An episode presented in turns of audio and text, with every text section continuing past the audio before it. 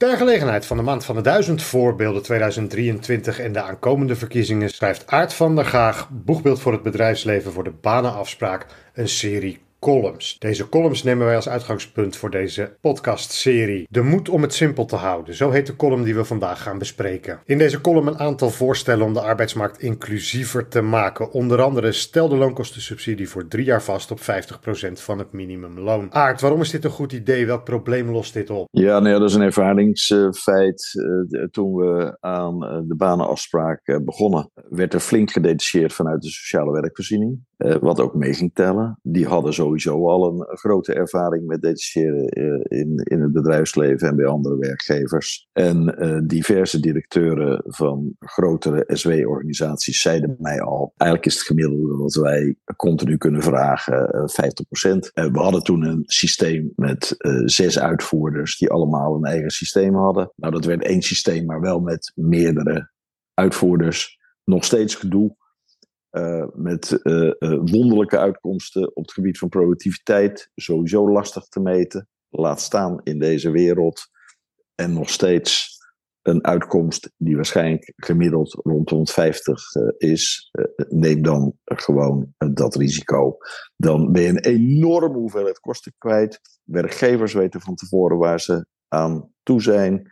En het zou ook helpen bij uh, andere en nieuwe groepen die je op enig moment toelaat. Maar het argument daartegen is toch vaak tweeledig. Enerzijds, je ontzegt mensen de kansen om zich te ontwikkelen. En dat ook uitgedrukt in die loonwaarde.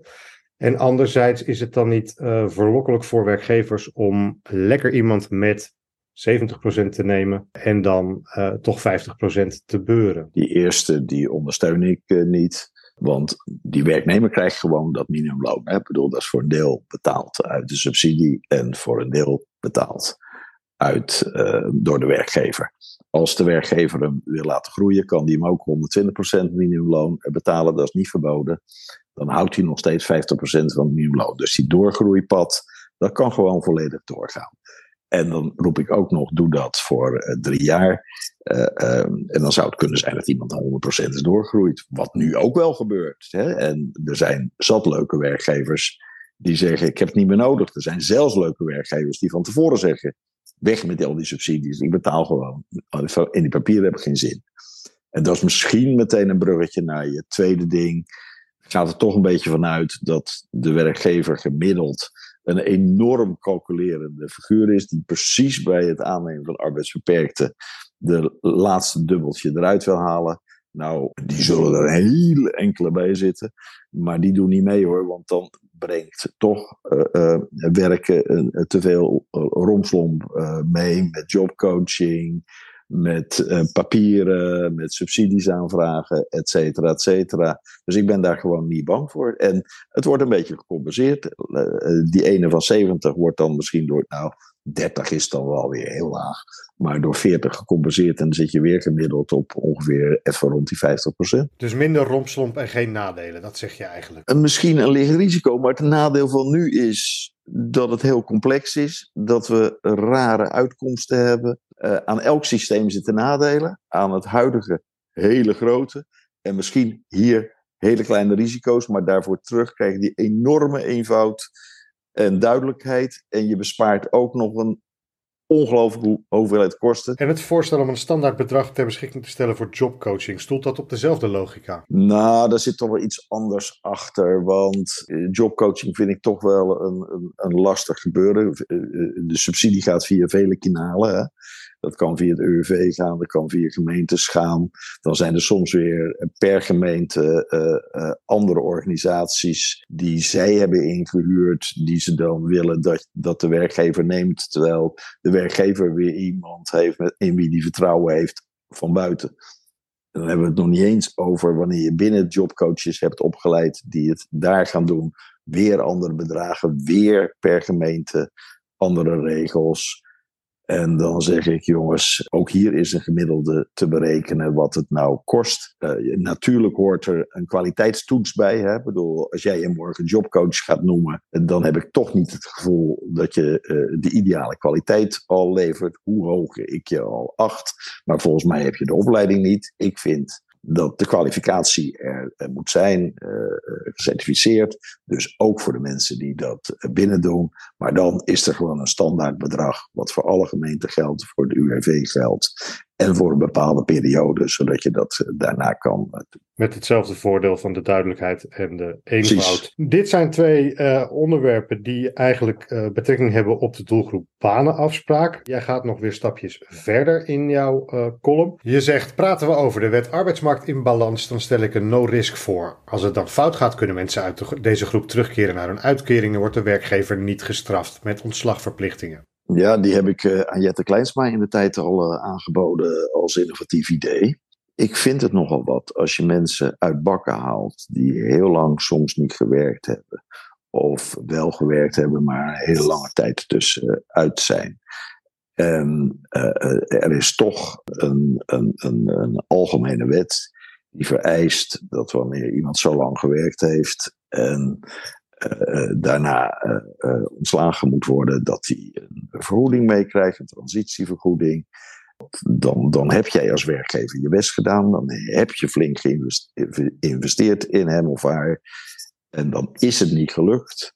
Je doet misschien ook nog je best om hem ergens andersom te brengen. En dan krijg je toch nog een extra uh, heffing uh, daarna als ja, een soort boete beschreven. Maar, en ik, ik weet dat dit vast niet eenvoudig ligt krijg je rechtsongelijkheid tussen groepen.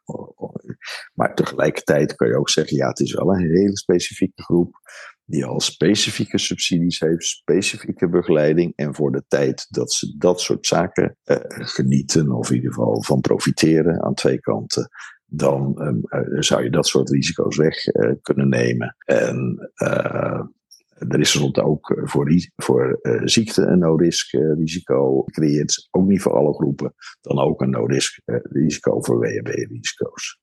Je refereerde net ook al aan de bestaande polis, no-risk polis bij ziekte. Daarvan zeg je die ook breder in te zetten voor iedereen die een lange tijd weer de arbeidsmarkt betreedt.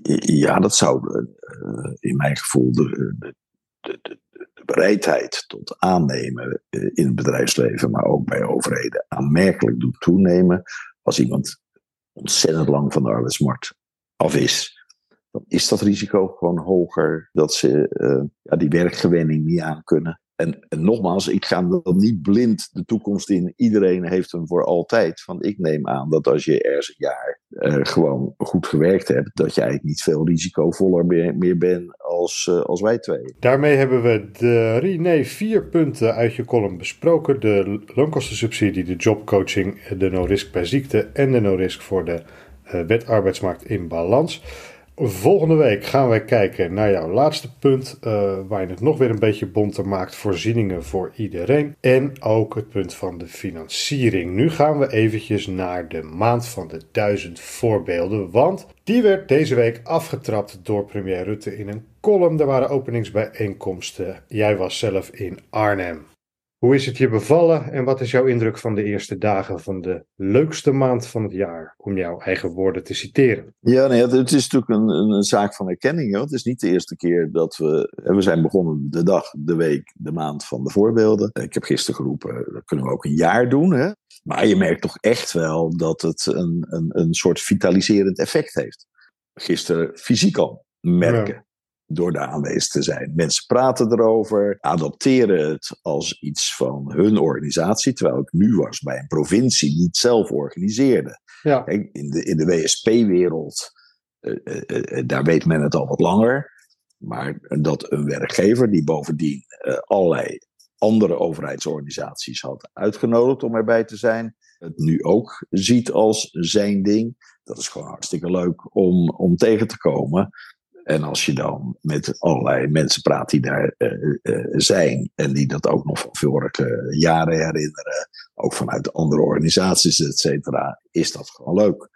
En de bijeenkomst zelf was georganiseerd door mensen in dienst bij de provincie en degene die het leidde. En ook een belangrijke motor erin was, die, die was zelf blind. Het was een bijeenkomst met eigenlijk veel visueel beperkte, veel hulphonden. Dat vind ik altijd leuk als die hulphonden zie. Dat zijn zulke ontroerende beesten. Mensen eh, die doof waren, een flink aantal rolstoelen. En dat, dus het was ook wel echt hun eigen ding deze dag. Ik kon meteen zien dat ze gewend zijn om harder te werken dan wij. Want uh, we kregen weer geen minuut pauze. en we hebben gewoon uh, meer dan vier uur achter elkaar doorgeramd. Met inleidingen die soms langer dan een uur waren. Dus ik vond het ook zwaar in alle eerlijkheid. Omdat het niet altijd lichte kost was om tegenaan te lopen. En, en, en tot je te nemen. En ik had zelfs bij inle één inleiding had ik eigenlijk liever wat verwerkingstijd gehad om dan gelijk weer in de volgende eh, te jumpen. Maar zij konden dat allemaal met gemak aan, eh, Kees-Jan, dus het zal wel aan mij liggen. Dan nog even snel, denk ik, de, de columns. Dat ja. noemde ik al. Uh, Kees Oudshoorn, voorzitter Stichting Nederland Ondernemen Maatschappelijk. En Ilse Valsterman ja. van het Bartholomeusfonds. Tuurlijk vinden wij het leuk dat de zittende premier uh, dit keer aftrapt. Uh, en ook vanuit eigen ervaring op het ministerie iets zei. Je, je had de indruk in ieder geval dat hij op zijn eigen ministerie met regelmaat mensen vanuit de baanafspraak tegenkwam. En hij zag ook dat de resultaten in het bedrijfsleven tot nu toe allemaal prima zijn. Dus uh, ja, dat, dat, geeft gewoon een prettig gevoel, hoe je het keer vindt. Oudschoorn zat op een wat hoger abstractieniveau, zal ik maar zeggen. Maar dat is ook goed om van dat soort visioenen naar de toekomst te hebben. Want ja, de banenafspraak is één ding. De groepen die ernaast staan is het tweede ding. En hoe je de toekomst ziet van dit soort ontwikkelingen is het derde ding, zal ik maar zeggen. En nou ja, de, de, de oogvereniging sprak mij natuurlijk weer zeer aan. Omdat die heel recent ook een petitie hebben aangeboden. En ook pleiten voor die verbreding. En dat was gisteren impliciet ook weer aanwezig. Ik, ik heb nog geen vereniging of organisatie ontmoet die specifieke groepen van beperkte representeert en niet zegt dat ze verbreding willen hebben. Er is niemand die tegen de banenafspraak is, maar eigenlijk is iedereen die er echt van weet wel tegen de beperking van de groep binnen de banenafspraak. Aart, dank tot zover. Geen dank. Deze podcast is een productie van Op naar de 125.000 banen. Meer informatie over het project en over de maand van de 1000 voorbeelden op www.opnaarde125.000.nl.